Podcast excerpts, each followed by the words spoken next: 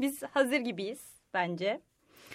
Yani bir çift programına başlıyor olmak bugün biraz canımı sıksa da bir evli çiftimiz var. Arkada bir nişanlı çiftimiz var. Hiç sorun değil. Ben dünyayı gezeceğim arkadaşlar. Kamu spotu. Babam burada devreye girip sinirlenecek ama. o zaman e, inceden başlıyorum.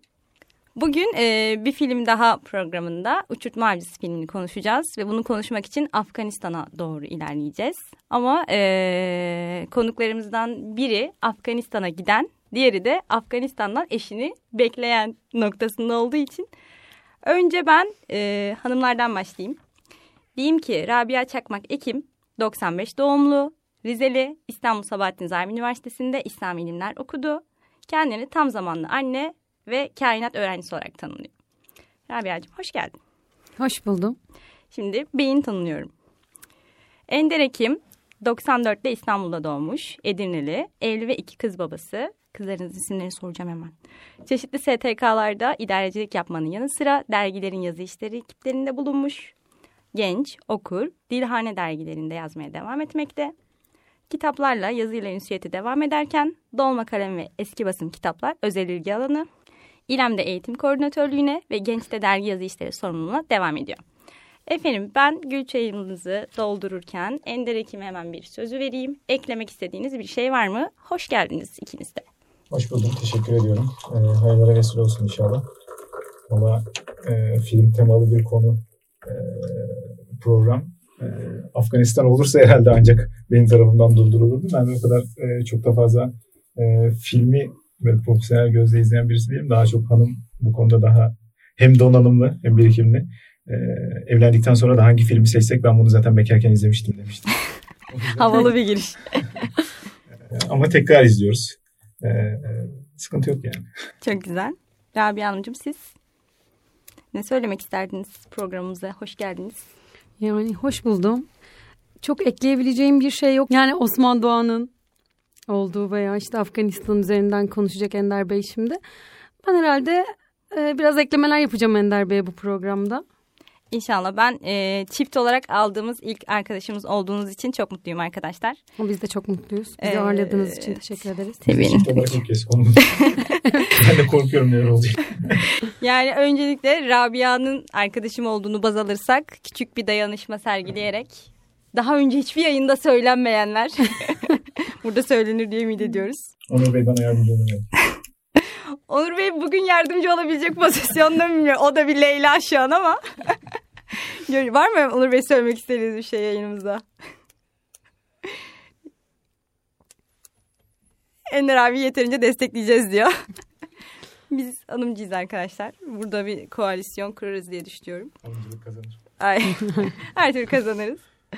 İyi bakalım. O zaman e, ben inceden bir filme giriş yapayım. Rabia bu arada burada olman bizim için çok kıymetli. Neden? Çünkü e, biz vakıf abilerinde, ablalarında, e, dergi işlerinde vesaire hep şunu gözlemliyoruz uzaktan. Birileri yollara düşüyor. Eyvallah çok güzel işler yapıyorlar. Gidilmeyene gidiyorlar, işte söylenmeyeni söylüyorlar vesaire. Ama arkada birini bekletiyorlar. Ve biz o kısma çok şahit değiliz. Yani e, şu açıdan bakalım. Afganistan. Tamam mı? Afganistan gibi bir ülkeye eşin gidiyor ve sen iki kızınla bekliyorsun. Evet, büyük kızının ismi? Meryem. Küçük kızın ismi? Sare. Güzel. Tamam bunları da almış olayım. Şu ana kadar gelen konukların ağırlıklı kızları vardı ve hepsinin isimleri çok orijinal gerçekten. Ben de şeyi sorguluyorum. İslami camianın isim jargonu ne ya? Tamam. Hepsini bir bilelim. çok güzel maşallah.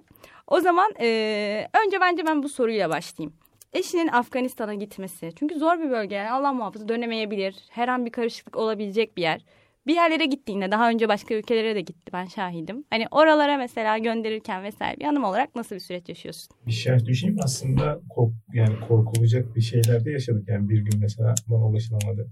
Yani bunu ön e, haberini vermiştik ama yine de herhalde ürperticidir bilmiyorum. Benim için tevekkülle aşılan şeyler Suriye'ye gitti, daha önce Azerbaycan'a gitti, Afganistan'a gitti. Fakat biliyorum ki can Allah'ın emaneti ömür bittiği zaman bitecek. Bu yüzden herhangi bir korkum, endişem olmadı.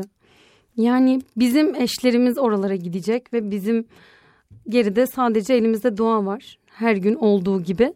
O yüzden e, aksini de kısıtlayıcı bulurum özgürlük algıma göre zaten. O yüzden arkada dua ettik. Çok şükür de geri geldi her seferinde. Rabbim tekrar gidip de hizmet etmeyi nasip ederse geri dönmeyi de nasip etsin inşallah.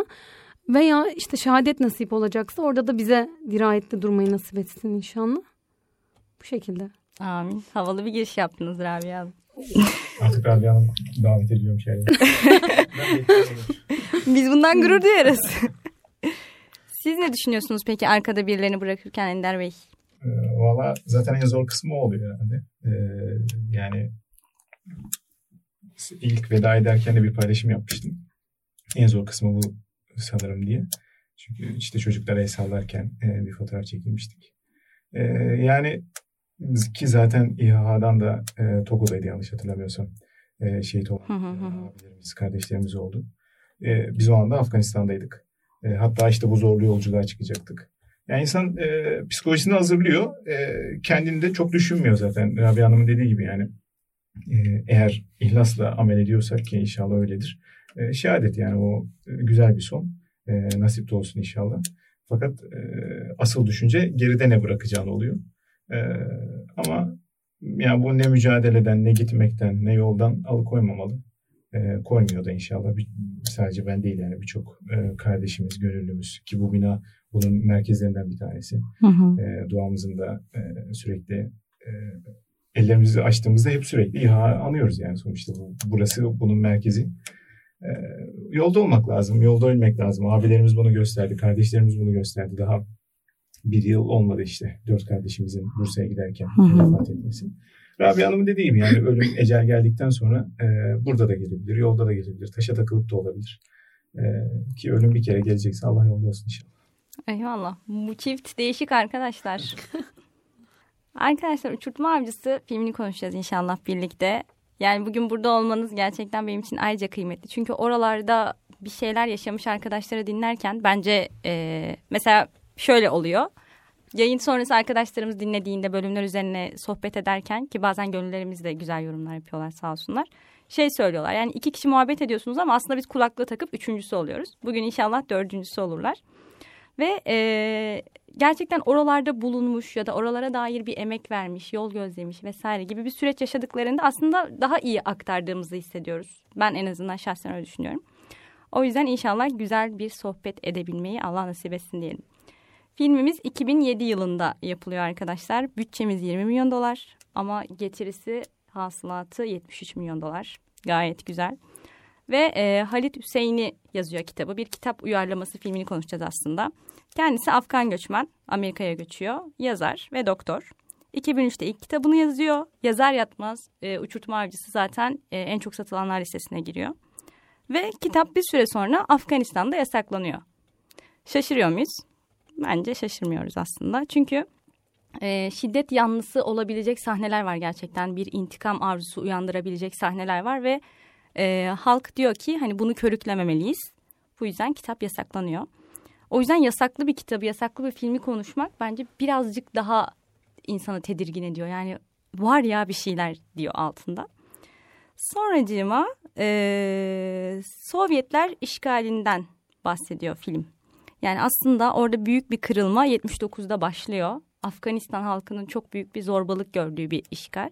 Ve akabinde Amerika'nın işgali var. Bunlara birazcık değiniriz. Ama önce sıcak sıcak bence bir Ender'e bağlıyorum mikrofonu. Ve diyorum ki Afganistan'a gidip gördüğünde yaşadığın süreç ve öncesinde tam olarak neye gittin, kimlerle gittin bunları da bence bize bir söylersin. Ee, yani Afganistan özelinde değil, gittiğim her yerde, Türkiye'de bir yerde olsa, vilayette olsa e, tabii bir okuma gerektiriyor, bu araştırma gerektiriyor. Afganistan, yani ben her yere giderken hanımla birlikte herhalde gündemimiz bir e, iki hafta, üç hafta orası oluyor. E, sürekli orayla ilgili izliyoruz, okuyoruz. E, ben ona anlatıyorum, o bana yorumlarını söylüyor. Böyle bir gündem oluşuyor evde, e, çocukların da şahit oldu. Afganistan'da da aynı şey olmuştu yani öncesinde okumalar, dinlemeler, araştırmalar. Tam da o zamanlarda TV.net'te Afganistan'da ilgili bir belgesel çıktı mesela bunu yoğun bir şekilde izledim. Ee, bu tarz okumalar ve izlemelerle geçti hazırlık süreci. Aziz Mahmut Hüdayi Vakfı'nın e, insani yardımla birlikte biz yola çıktık. Burhan Bey vardı e, Aziz Mahmut Hüdayi'nin insani yardım vakfından. Ee, yine aynı şekilde de bir de Mustafa Tuncay benim yolda en çok birlikte yola çıktığımız yol arkadaşım. Buradan selam olsun ikisine de. Onlarla birlikte Afganistan'a doğru yolculuğa çıktık. 17 gün sürdü bizim. Biraz e, diğer insani yardım ülkelerin gidilen ülkelere göre e, çok daha yoğundu. Çünkü hizmet alanı biraz daha genişti. Sadece kurban değildi. E, birkaç nakli yardım ve farklı e, hizmetler de vardı. Yani çok e, konseptliydi. Bir de e, çok fazla vilayete gittik. Yani Afganistan'da sadece işte Kabil'de olmadık. Mezar-ı Şerif, farklı vilayetler, birçok yere deprem olmuştu. Mesela biz gitmeden iki ay önce deprem bölgesine gittik. Zaten en zorlu yolculuk da oydu. Belki özel bir parantez açmak gerekebilir. Ee, yani şehrin merkezini de gördük, en kırsalı da gördük. En fakirliği de gördük. En zengin diyebileceğimiz insanın yaşamını da gördük. Ee, bu anlamda biraz e, çeşitli ve ülkeyi tam tanıma açısından e, özeldi. Tabii ki de tam tanıdığımı ya da tam tahlil yap- yapabileceğimi düşünmüyorum. E, ama genel anlamda çok şey gördük, çok şey e, müşahede ettik. E, üst düzey bürokratlarla görüştük, e, halkla görüştük, çocuklarla görüştük, kadınlarla görüştük. Yani zaten gittiğimiz yerde biraz e, hem vakıfçılığın verdiği şey hem de biraz yazarlığın da verdiği şeyle herhalde sadece insan yardım düşünmüyoruz. Yani Hı-hı. oradan hikaye çıkartmak da temel gayemiz oluyor. Döndükten sonra da her bölgeyle ilgili yazı yazmak da nasip oldu. Bu Afganistan'la ilgili en uzun yazı o oldu zaten. E, İlem'in blogunda yayınlandı. Detaylarıyla yani ne yedik içtikten e, ülkenin siyasi durumuna, gelecekte ne olacağından, geçmişte ne olduğuna kadar her şeyi aktarmaya çalıştım bildiğimi. Çünkü bu işin yani bana e, yüklenen sorumluluğun bu olduğunu inanıyorum. Çünkü çoğu yerde zaten beni götürme nedenleri o oluyor. E, sen yazıyorsun, e, aktarabilirsin döndüğün zaman diye. Genelde de savaş bölgeleri oluyor. E, öyle nasip oldu bugüne kadar. Bakalım bundan sonra ne nasip olur, nasıl olur bilmiyorum. İlem Ender Ekim Afganistan yazarsak yazıya erişebilir miyiz? E, öyle erişebilirsiniz e, İlem Blog'dan. E, benim e, Instagram linkimin de en üstünde sabit bıraktığım bir şey. Kendi reklamı gibi olmasın. Estağfurullah. İnşallah oradan da bir bakalım o zaman. Aslında e, filmde böyle gerçekten birçok şeye şahit olmuşsundur diye düşünüyorum. Orayı ayrıca soracağım ama. Güzel konuştuk zaten izlerken çok ikin, e, tekrar izlediğimizde.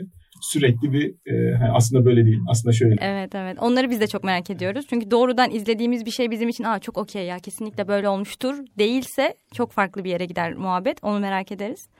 Bu arada e, yazar, Uçurtma Avcısı'nın ana yazarı Amerika'da iyi niyet elçisi seçiliyor. Ve e, işte dostluğu, kardeşliği çok güzel verdiği iddia ediliyor vesaire. Aslında burada da bir sıkıntı olduğunu görüyoruz biz. Yani hiçbir şey pürüzsüz aktarılmıyorsa ki aktarılmadığını iddia ediyorsun şu an. İddialarını dinleyeceğiz. O yüzden e, bence gerçekten asıl olan ne? Yani Kabil nasıldı özellikle? Çünkü zengin olduğunu ve merkezi olduğunu bildiğimiz en büyük yer orası. Oralara da ayrıca bir gidelim diye düşünüyorum ben. Ama Rabia'ya dönüyorum. Ee, senin için böyle akılda kalıcı, etkileyici sahnelerden nereler var mesela? Şunu böyle gerçekten içim titredi diyebileceğin. Çünkü aslında çok büyük bir dram izliyoruz bütün film boyunca. Hatta ben şeyi çok yani mesela yıllar evvel izlediğim Görkem'le şu anki Görkem olarak çok farklı hissettim gerçekten. Lisede izlemiştim ve oku, işte okumuştum e, şey Sami Yusuf çalıyormuş ya arkada. Evet ben, ben asla fark etmedim. O zamanlar tanımıyordum muhtemelen ben Sami Yusuf'u da. 2007 yapımı film. Ve e, çok etkilendim yani. O şey işte yeğenini kaybettiği ve bir daha bulamayacağına inandığı bir sahnede namaz kılıyor falan. Arkadan böyle Sami Yusuf vermişler. Ben orada böyle bir dramatiğe bağladım. Ama sonra dedim ki saçmalama bu bir dram değil yani. Sen nerelerde baktın bakalım? Düşün bakalım. Ha bir de biz bunu konuştuk. Sadece beyinle mi film konuşuyorsun? Böyle bir Şu şey an kabul etmiyorum. hayır hayır. Unuttuğum için söylüyorum. Metroda konuştuk. Ne dedim ben? yani dramatik bir sahne istiyorsan hemen verebilirim sana. Yani hatta şey dedim yani evet istismar sahnesi bile var. Yani orada ciğerim doldu ama. E, Taliban yetkilisinde dudakları titremişti. Ha, evet evet. Şey beni çok etkiledi. Amir ki kitabın ana karakteri hı hı. Taliban yöneticisiyle konuşuyor ve çok korkak yani çocukluğundan beri korkak fıtratlı bir kişi hı hı. olarak anlatılan e, bir karakter. Taliban görevlisiyle konuşurken böyle çenesi falan titriyor. O korkuyu hı hı. vermeye çalışıyor oyuncu ve gerçekten de geçiyor korku. Fakat söz konusu olan yeni ve eski vicdan azapları olduğu için orada bir baş kaldırısı var. Mesela o beni çok etkilemişti. Çünkü fıtratı bu değil. Hı hı. O işte geçmiş duyguları ona bunu yaptırıyor. Orada ben etkilenmiştim. Evet değişik bir sahne. Ama bu arada muhtemelen neler dinleriz o kısmı ama o Taliban da o Taliban değil ya. Tabii Aslında ki. gerçekten korktuğu ya da mücadele ettiği bambaşka bir şey. Evet. Ve o yıllar sonra ona tekrar bir şans veriliyor aslında o vicdan azabını. Çünkü e, kardeş gibi büyüdüğü bir çocuğu koruyamadığı gerçeği var. Çocuğun ona sadakatinden, uçurtmayı yeniden ona verebilmek için başından geçen çok ağır dramlar var orada. Ve e, bir çocuk için belki ikinci tramvaya girer. Tram, tramvay dedim ya. Marmaray demiştim geçen de Marmara diyeceğime. Arkadaşlar bazı teknolojik hatalar diyelim. Araçları seviyor olabilir? E, ikinci tramvaya girebilir. Kesmiyorum buraları hadi bakalım. Şöyle e, evet bir taciz yapılıyor gerçekten. Küçük bir çocuğu korunamadığı bir gerçeği var. Fakat buna engel olamadığı için buna şahit olan başka bir çocuk da var. Ve onu öfkesinden, kendine korkusundan, kıskançlığından onun o evden gitmesini istiyor. Bir daha karşılaşmak istemiyor. Hırsızlık suçu atıyor falan. Aslında gerçekten çok ağır bir şey yaşıyor, çocukluk yaşıyor ikisi içinde. Ben de muhtemelen o sahnede engel olamamasına ya da hiç koşup gidememesine vesaire çok takılmıştım. Yani hiçbir şey yapamıyor bir çocuk olarak başka bir çocuğu korumak için. Ve maalesef bu memleketlerde hep çocukların çocukları koruyam işte koruması gerekiyor ve büyüklerin ortada yaşayamadığı çünkü hepsi şehit edilmiş gibi bir coğrafya olduğu için beni de orası etkilemişti. Dönüyorum Ender Bey'e. Şimdi ben e, konuk almaya okeyim ama iki konuğa okey değilim ya arkadaşlar. Sandalyeyle dönüyorum. Dönmek burada gerçek manada. Hemen sorumu hazırlıyorum. 79-88 arasında Sovyet işgaline yaşıyor bu ülke maalesef. Ve sonunda BM Cenevre ile birlikte durduruyor bu süreci. Ve Afganistan çok zor bir noktada kalıyorlar. Bu Afganistan'ın yaşadığı aslında ilk fakat son dram değil. Çünkü e, maalesef 11 Eylül döneminden sonra Usame Bin Laden'i bulmayı iddia ettiği için Amerika tekrar bir mikrofonu vurdum az önce ya. Şu nedir arkadaşlar? Maalesef 11 Eylül'ün 7. gününden itibaren Amerika e, Usame Bin Laden'i bulmayı iddia ettiği için Afganistan'a çok büyük bir savaş açıyor. Ve e, çok çok büyük bir dram 2021'de bitiyor. Geçen sene aslında hepimizin böyle çok enteresan görüntülere şahit olduğu, Amerika'nın oradan püskürtülürken. Çünkü doğru kelime bence gerçekten püskürtülmek. Çünkü bu insanlar 21 sene boyunca çok büyük bir savaş veriyorlar Afganistan'da. Savaş değil mücadele veriyorlar aslında. Savaşa maruz kalıyorlar. Ve e, buradan sonrasında biraz teknik bilgi alabilmek için birkaç arkadaşıma danıştım. Ve şey dediler yani Afganistan'ın işte Kabil'i var. Evet çok büyük bir yeri var. Ama aslında yüzde sekseni kırsal. Öyle mi hocam? Ve o kırsallıkta ister istemez büyük bir cehalet de var. Ve Amerika, Rusya gibi büyük büyük e, ülkelerin savaş açtığı bir coğrafyada o insanların kendilerini savunabilmek için bir şey yok aslında.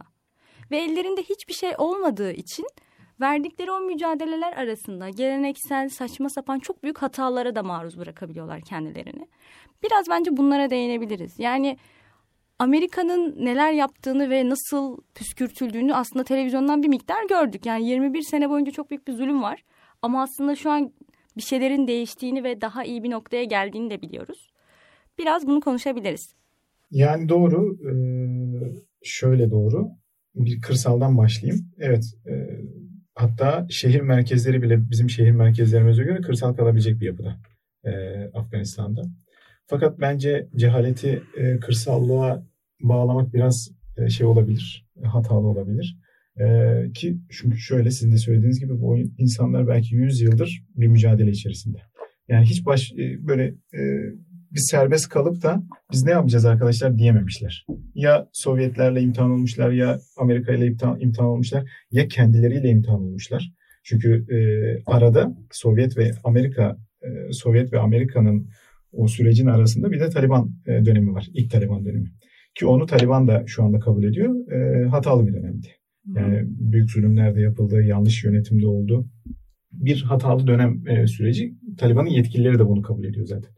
E, yönetimsel olarak bir sıkıntılı süreçti. Şimdi nasıl yapacaklar, ne yapacaklar?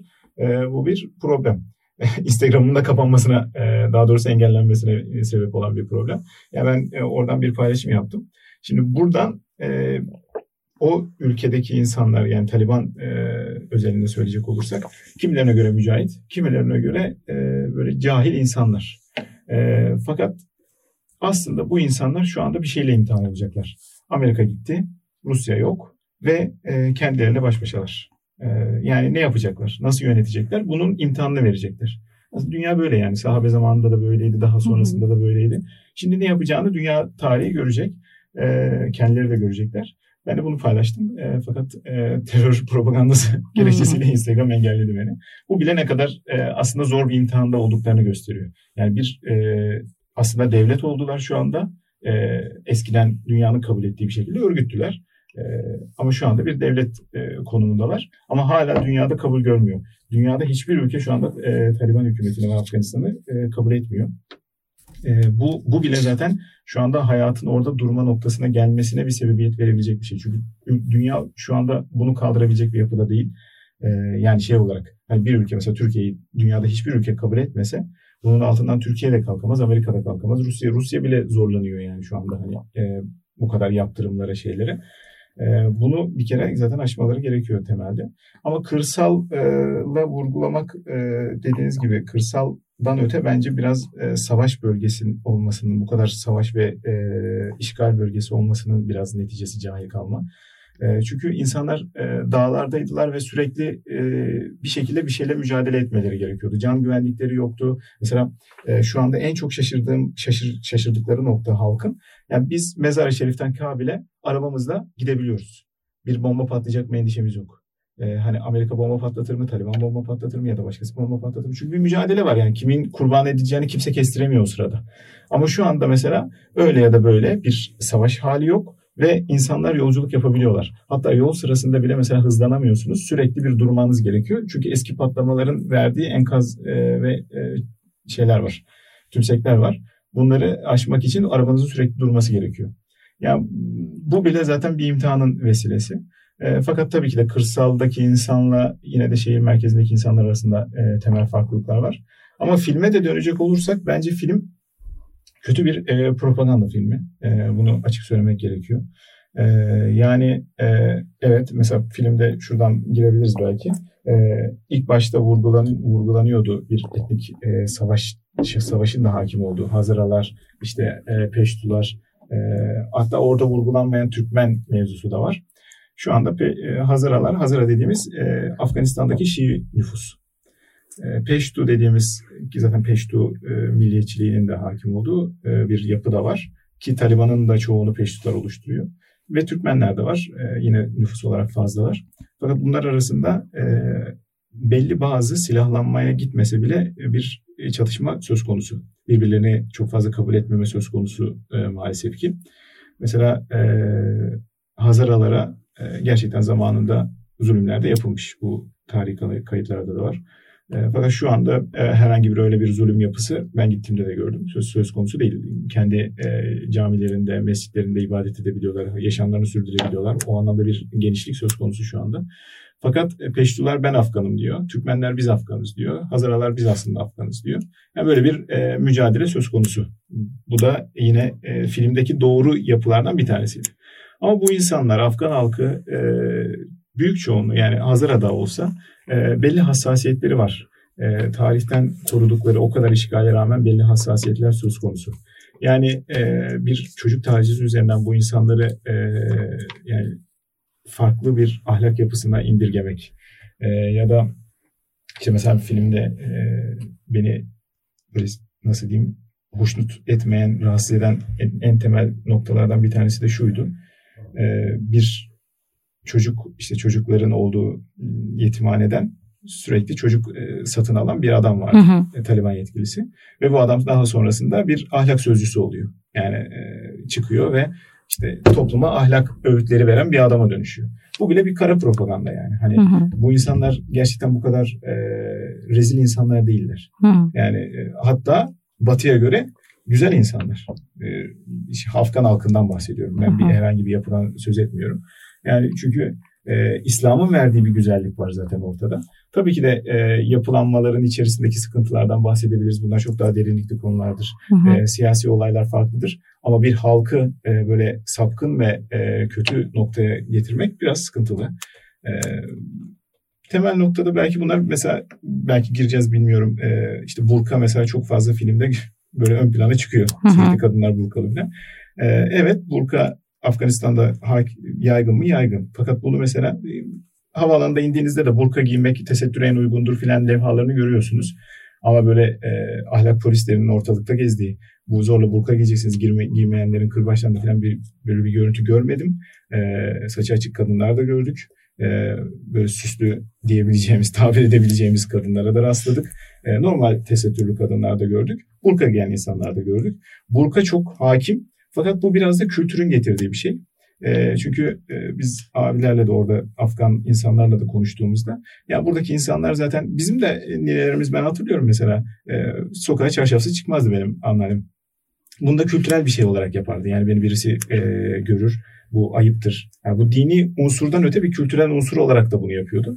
Aslında biraz e, Afganistan'da mesela burku olayı da böyle. Ama bize yansıtılması yani insanlar zorla kapatılıyorlar. Kadınlara hiçbir hak yok. Evet kadın hakları noktasında belki e, bazı noktalarda sıkıntılar olabilir. Bu yine deşilmesi, araştırılması gereken bir konu. E, fakat mesela tesettür noktasında illa bir zorlamadan söz etmek belki biraz yanlış olabilir. Çünkü e, farklı unsurlarını da gördük. E, yani kara propagandalarla bir ülkeyi tanımak, bir ülkeyi tanıtmak sıkıntılı yani. Eyvallah.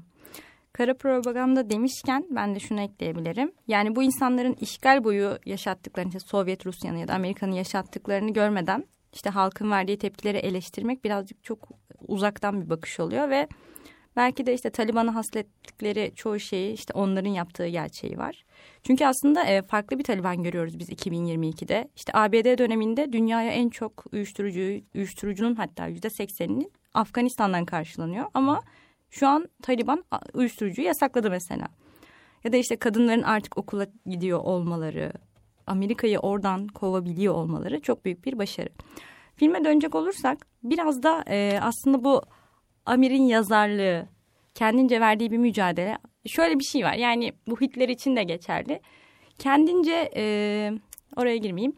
Şöyle savaş ya da bir zorluk görmüş halkların çocukları, büyükleri, yetişkin olurken ya ünlü ressamlara ya ünlü yazarlara dönüşüyorlar.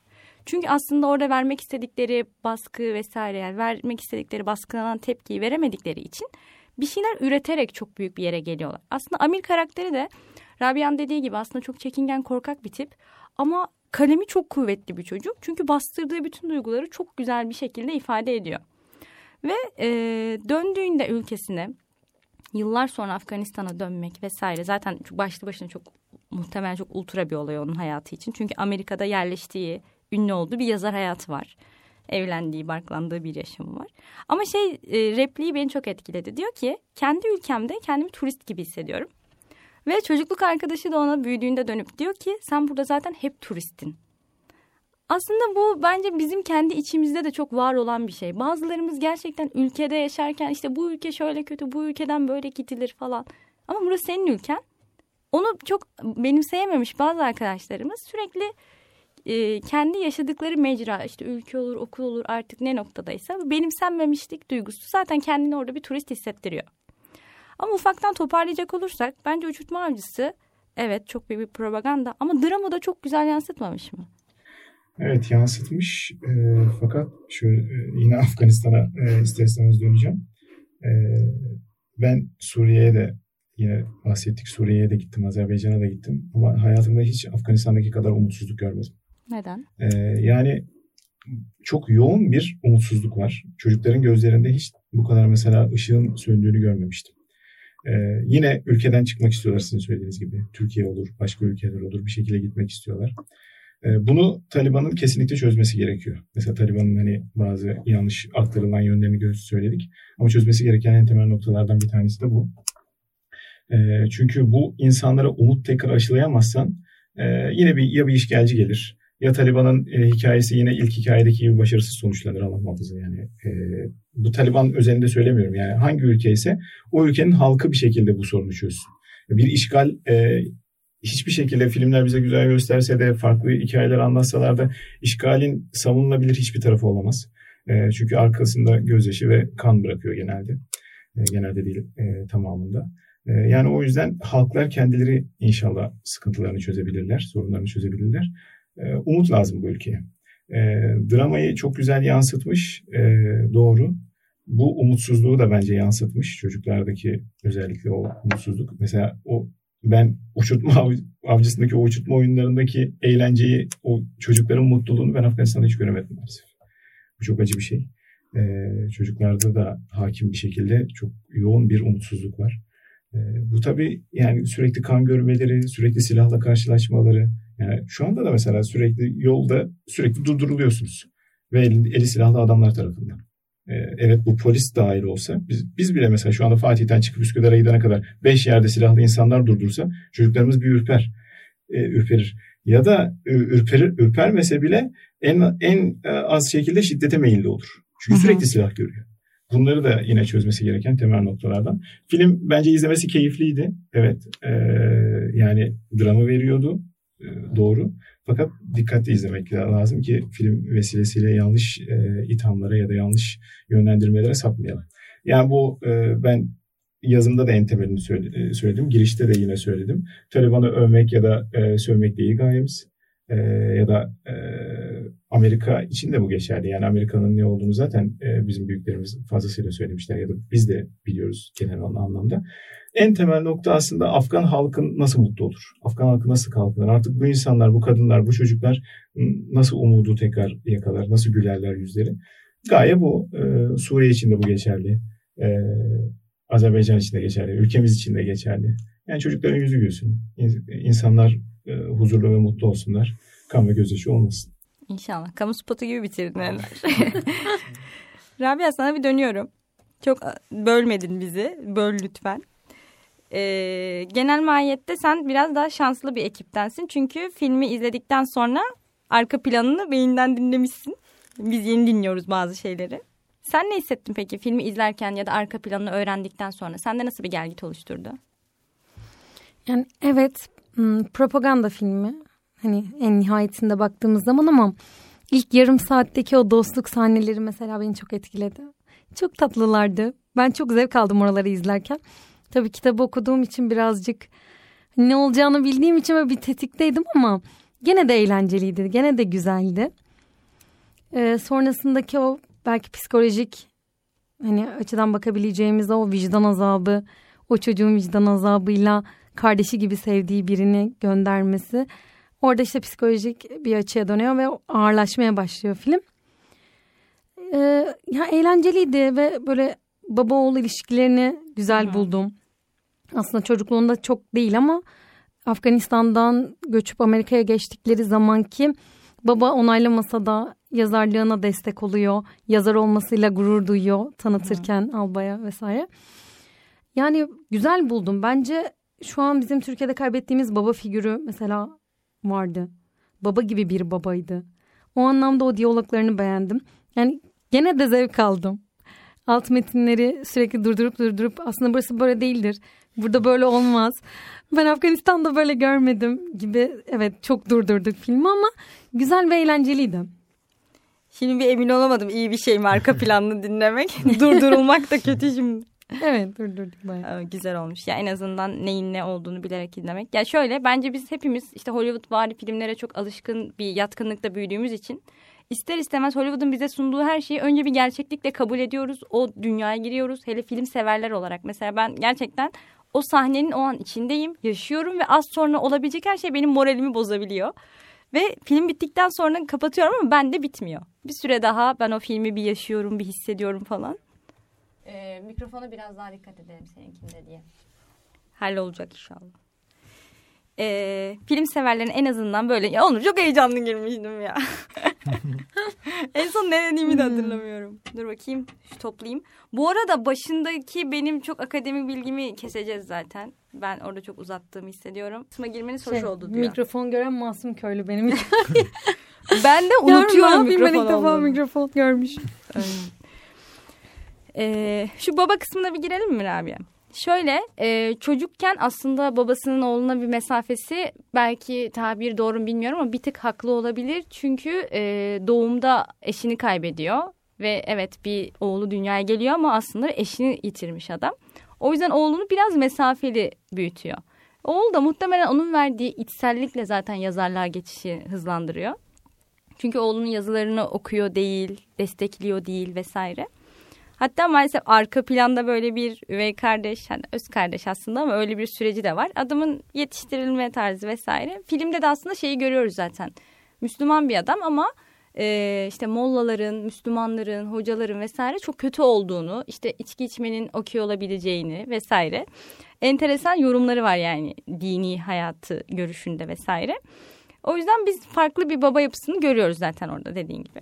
Ama büyüdüğünde zaten e, muhtemelen ülkesini arkada bırakmak sadece dünya üzerinde bir oğluyla bambaşka bir ülkeye sığmanın verdiği psikolojisiyle yani o oğluna tutunuşunu oradan anlıyoruz. Hatta şey kısmında dikkat etmişsindir. Bir toprak parçası alıyor ya memleketinden Ruslar Evet. gidince döneceğiz diyor. Görmüşsündür zaten ama ne hissettiğini tekrar alabiliriz bence. Ee, baba oğul ilişkisine dönecek olursak şu vardı. O hatta yazmıştım ama notlarımı evde unuttum Buket'e. ee, çocuğunu senin istediğin renklere boyayamazsın Hı hı. diye bir tabir vardı. Aslında babanın biraz tavrı çocuğa tabii ki annesini yitirmesinden dolayı da var ama istediği kimlikte bir çocuk değil. Hatta filmin sonunda anlıyoruz ki arkadaşı olan kişi aslında kardeşi ve kardeşi istediği kimlikte biri fakat babası bunu gizlemek zorunda. Bu yüzden hani oradaki mesaj çok güzeldi yani psikolojik açıdan da çocuk gelişimi olarak baktığımız zaman evet çocuklarımızı olduğumuz gibi kabul etmek, o fıtratlara uygun yönlendirmemiz gerekiyor. Fakat sonucunda e, Amerika'ya göç ettikleri zaman yetişkin oldukları zaman ki desteğiyle gene de yazar olabiliyor. Oradaki hali güzel ve hani örnek olma hali de güzel. Bazen evet çocuklarımızı değiştiremeyiz fakat doğru örnekler olabiliriz ki arabada da keza e, savaş bölgesinden ayrılırken e, bir e, askerin bir talebini reddetmek reddetmesi üzerine orada bir duruş sergiliyor. Evet biz duruş sahibi olduktan sonra çocuklarımızın fıtratı ne olursa olsun doğruya evrileceklerdir. O yüzden böyle küçük ama böyle dipnot sahneleri beğendim. Çok güzel. Şey değil mi ya gerçekten anne değil mi? O son dokunuşları. Zaten bana Afganistan için durduruyor dedi ama kendisi de pedagojik tahliller için sürekli durduruyor. Yani- Evet bunları not almaya çalıştım falan ama evet. evde unutmasaydım Mübarek iyiydi. bir çiftsiniz diyebilir miyiz arkadaşlar? Ama film böyle izlenmez. Benim psikolojimi bozdunuz şu an. Sürekli durdurulup analiz kastınız Ama şey demek. ben zaten kitabı okumuştum. Hani filmin akışını şaşa beş yukarı tahmin ediyordum ya. O yüzden çok biraz tahlil, Ama tabii- tahlil kitabı gibi oldu. Çok keyifli Bizim gibi de tahlil düşünmeye filmi. gerek yok. Yani biz filmi 3-4 kere temine izledik. Bir çocuk uyanıyor. Evet, bizim keyif algımız farklı olabilir. Eyvallah. Film asla öyle izlenmez diyerek böyle korkunç bir noktaya çekeceğim kendi hayatımı. Belli. Büyük konuş Görkemcim. Devam et. İyi bakalım. O zaman ufaktan bitiriyoruz arkadaşlar programı. Kaldı mı çok söylemek istedikleriniz? Ender dertli ya belli. Afganistan yormuş onu. E, gitmeden önce gittikten sonraki halleri bir farklılaştı mı? Var mı bir şey? Ya yok ya sadece işte Afganistan'ı konuşurken tabii ki böyle bir su gibi akıyor böyle. İçinden bir çağlayan çıkıyor. Belli. Onun haricinde bir değişimi yok. Tabii ki o an çok şey oldu. Yani duygusal olarak çok üzücü sahneler yaşadığı için işte o kurban bekleyen çocukları saatlerce kendi kızlarımızla ünsiyet kurdu onlar arasında falan. Tabii ki duygusal olarak yıpranarak döndü ama hani şu an Evet hemen sıkıştırıyorum. Niye kızlarınla ünsiyet kurun? Nasıl bir süreç oldu orada? Ya o sadece Afganistan özel değil yani artık e, hayata bakışında biraz o oluyor. E, ben de bana özel olduğunu da düşünmüyorum bence her e, babanın hissettiği bir şeydir. Yani bir küçük çocuğun ölüm haberini de alsanız e, bir yani şey gibi düşünelim işte yakın zamanda e, Bartın'da acı bir haber aldık. E, yani hepimiz e, bir kaza yerine koyuyoruz kendimizi. O insanların yerine koymaya çalışıyoruz. Ya da e, özellikle mesela maden işçisi olsak daha kötü hissederiz. Evet. Yani çünkü her an böyle bir şeyle karşılaşabiliriz. Her an e, çocuklarımız aynı durumla karşılaşabilir. Şimdi biz de ister istemez hatta şeyi dedim.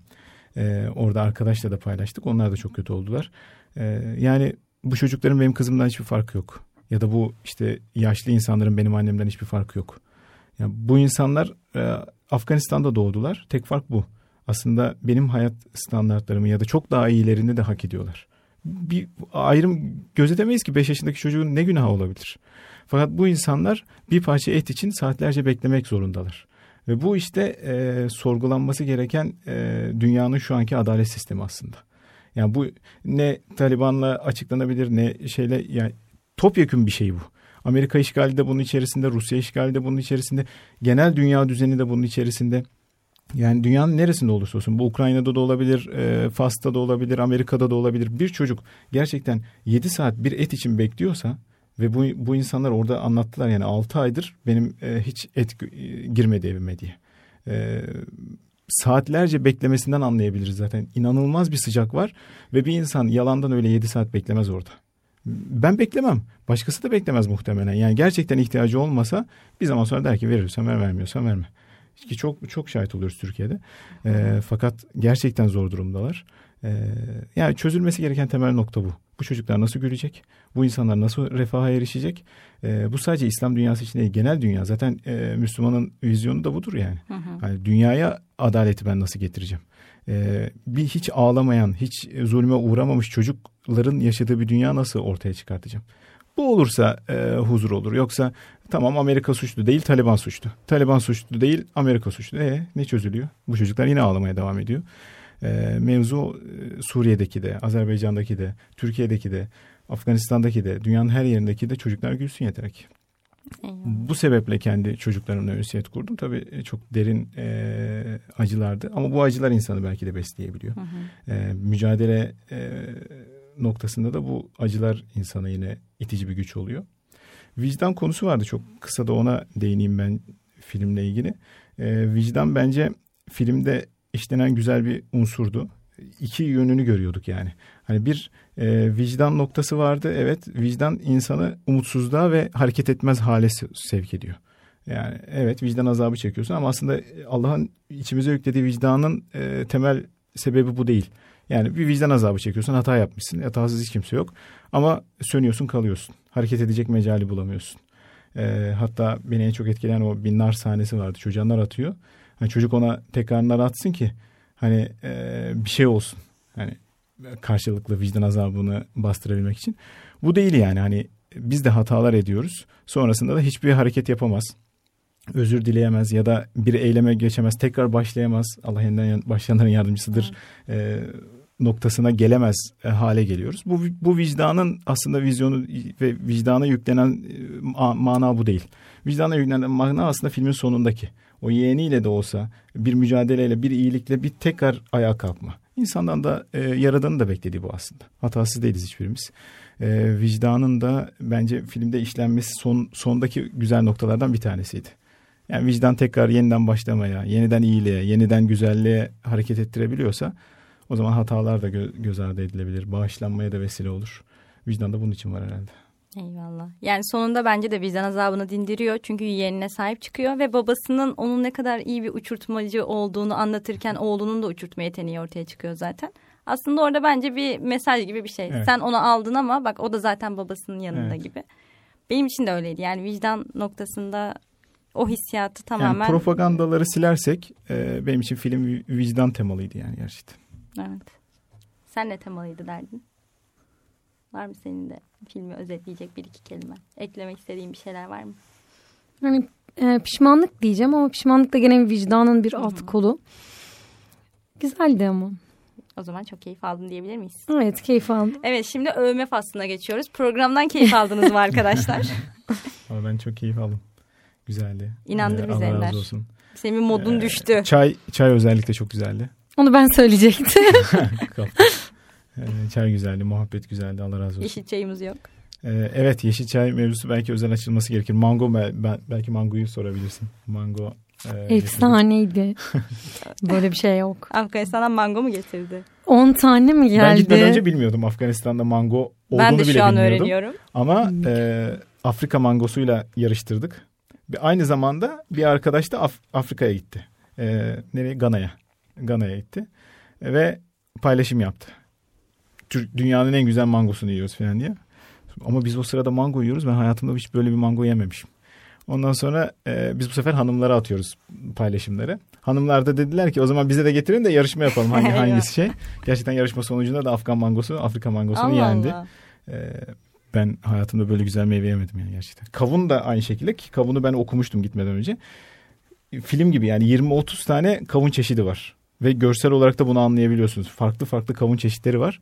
Ama mango e, özeldi gerçekten yani. Evet kavunu yemedik bilmiyoruz ama. yani 10 tane falan e, mango geldi sanırım. Değil mi yanlış değilim. Evet. Ya hepsini yedik ya. Çok Sağ olun güzel. ya. Çok güzel açık. Neyse ben Afrika mangosunu yerinde yemiş şanslı biri olarak bu topa girmiyorum. Yani Ama canımız ama çekti. Barış Afgan mangosu kazandı. Vay be. Evet. Yeşilçay noktasında da Yeşilçay'ı e, Cengiz Han'ın Afganistan'a getirdiği söyleniyor. E, zaten yakıp yıkıyor oraları. Fakat tek bıraktığı şeyin Yeşilçay olduğu söyleniyor. Ee, Yeşilçay gerçekten temel kültür. Sabah e, sabah kahvaltısında, akşam yemeğinde e, bir misafirle gittiğinde sürekli Yeşilçay. Artık siyah çayı özlüyorduk. Orada Türkiye Başkonsolosluğu'nda filan içmek nasip oldu. Orada zaten getirdiler direkt yani siz özlemişsinizdir diye. Ee, sürekli Yeşilçay karşımıza çıkıyordu. Ee, bir zaman sonra bıktırıyor tabii. Hani sabah akşam olunca biraz biz şimdi hasta olunca grip olunca içtiğimiz bir şeyi sürekli bir ikram olarak algılayınca e, bir de pilavları var zaten Afgan pilavı meşhur. Aynen. Yemek nasip oldu size. Bizlere de buralarda yemek nasip olur inşallah. Bilemem Amin şimdi inşallah. Afganistan doğası için hazır mıyız bilemiyorum ama Evet. öyle devam edelim. Evet. Bir film dağının da gül çayı meşhur arkadaşlar. Bizim de gül konseptimiz var. Güzel kokular, güzel rahatlıklar içerisinde Vallahi ikram ediyoruz. Çay bittikten sonra da görseli çok güzel. Yani. evet. Afiyet olsun diyelim. Teşekkür ederiz. Ama bu kapanışı bir daha yapayım. Uzağa koymuşum da. Biz almış gibi yapardık. Ya zaten genelde hediyeyi unuttuğum bölümler oluyor ve böyle takdim ediyorum. Şöyle ama elim boş yukarıda veriyorum. Ekleyeceğiniz bir şey kaldı mı ya? Bence gayet güzeldi. Bilmiyorum varsa daha. Benim yok. Süremizi de Biz biraz konuşuruz açtık. hocam iki saat. Koyayım. Kapanışı yapacağım. Onur bir- iyi bir şeyler. İyi çok şükür. Hedeflediğimiz o. Çok beğenmişler. Çok samimi geçti diyorlar ama ben birazcık kötü bir şey bekliyorum. Gelmedi çok şükür. Bir zorladım. Biz kurguda ata ata. çok sıkıntılı yerlere girmedik herhalde ya. Arkadaşlar ben gerçekten programa geldiğiniz için çok mutluyum. İyi ki de geldiniz. İyi ki de böyle bir anımız oldu. Zaten küçük bir aile dostu oluruz diye ileriye dair temennilerim olduğu bir Ekim ailesi olduğunuz için mutlulukla ağırladım. İnşallah siz de çok memnun kalmışsınızdır diye ümit ediyorum. Ee, teşekkür ederiz davet için. Yani ben e, çok keyif aldım programdan. Ee, inşallah daha nice bölümleri olur. Ee, güzel bir arşive vesile olur. Ee, biz evde dinlerken mesela Osman Doğan'la izledi, yaptığınız programdaki e, diziydi yanlış hatırlamıyorsam. Film. O, filmdi. Onu e, listemize aldık. Yani ne kadar iyi dinlemişiz oradan anlayabilirsiniz film dizi. Eyvah. Ben film olduğunu biliyordum bu arada. Ama sanki birkaç bölüm falan demişlerdi ya. Tamam yanlış Hayır. demiş. Tamam, yani yanlış. Hayır. O, İnduruş o filmi. sırada çocuklar gelmiştir odaya o yüzden. Aynen yiyenlere suç atıldı eyvallah. Ama çok keyifli bir program. Ee, Allah razı olsun inşallah devamı gelir. İnşallah ayağınızın bereketiyle geldiğinizi düşünüyoruz. İnşallah dinlenir ve gerçekten güzel şeylere vesile oluruz hep birlikte. Ee, Biz teşekkür ederiz her şeyden önce misafirperverliğin için. Benimle dost hasbiyerli gibi oldu benim için. Ee, çok değerli, çok kıymetli ve güzel bir an olacak inşallah. Güzel de mesajlar verebilmişizdir, doğru aktarabilmişizdir inşallah. Sürçülisan ettiysek de affola. İnşallah etmemişizdir. İnşallah affederiz. Amin diyelim. O zaman ben size Genç Atölye'den tatlı hediyelerimizi ikram edeyim. Tabii ki önden hanımlara. Buyurun efendim. Teşekkür ederim. Buyurun efendim size de şöyle Teşekkür ediyoruz. Tekrar geldiğiniz için teşekkür ederek sizleri uğurluyorum. Allah'a emanet olun. Çok teşekkür ederiz her şey için. Allah Allah Hasbi Rabbi Allah Allah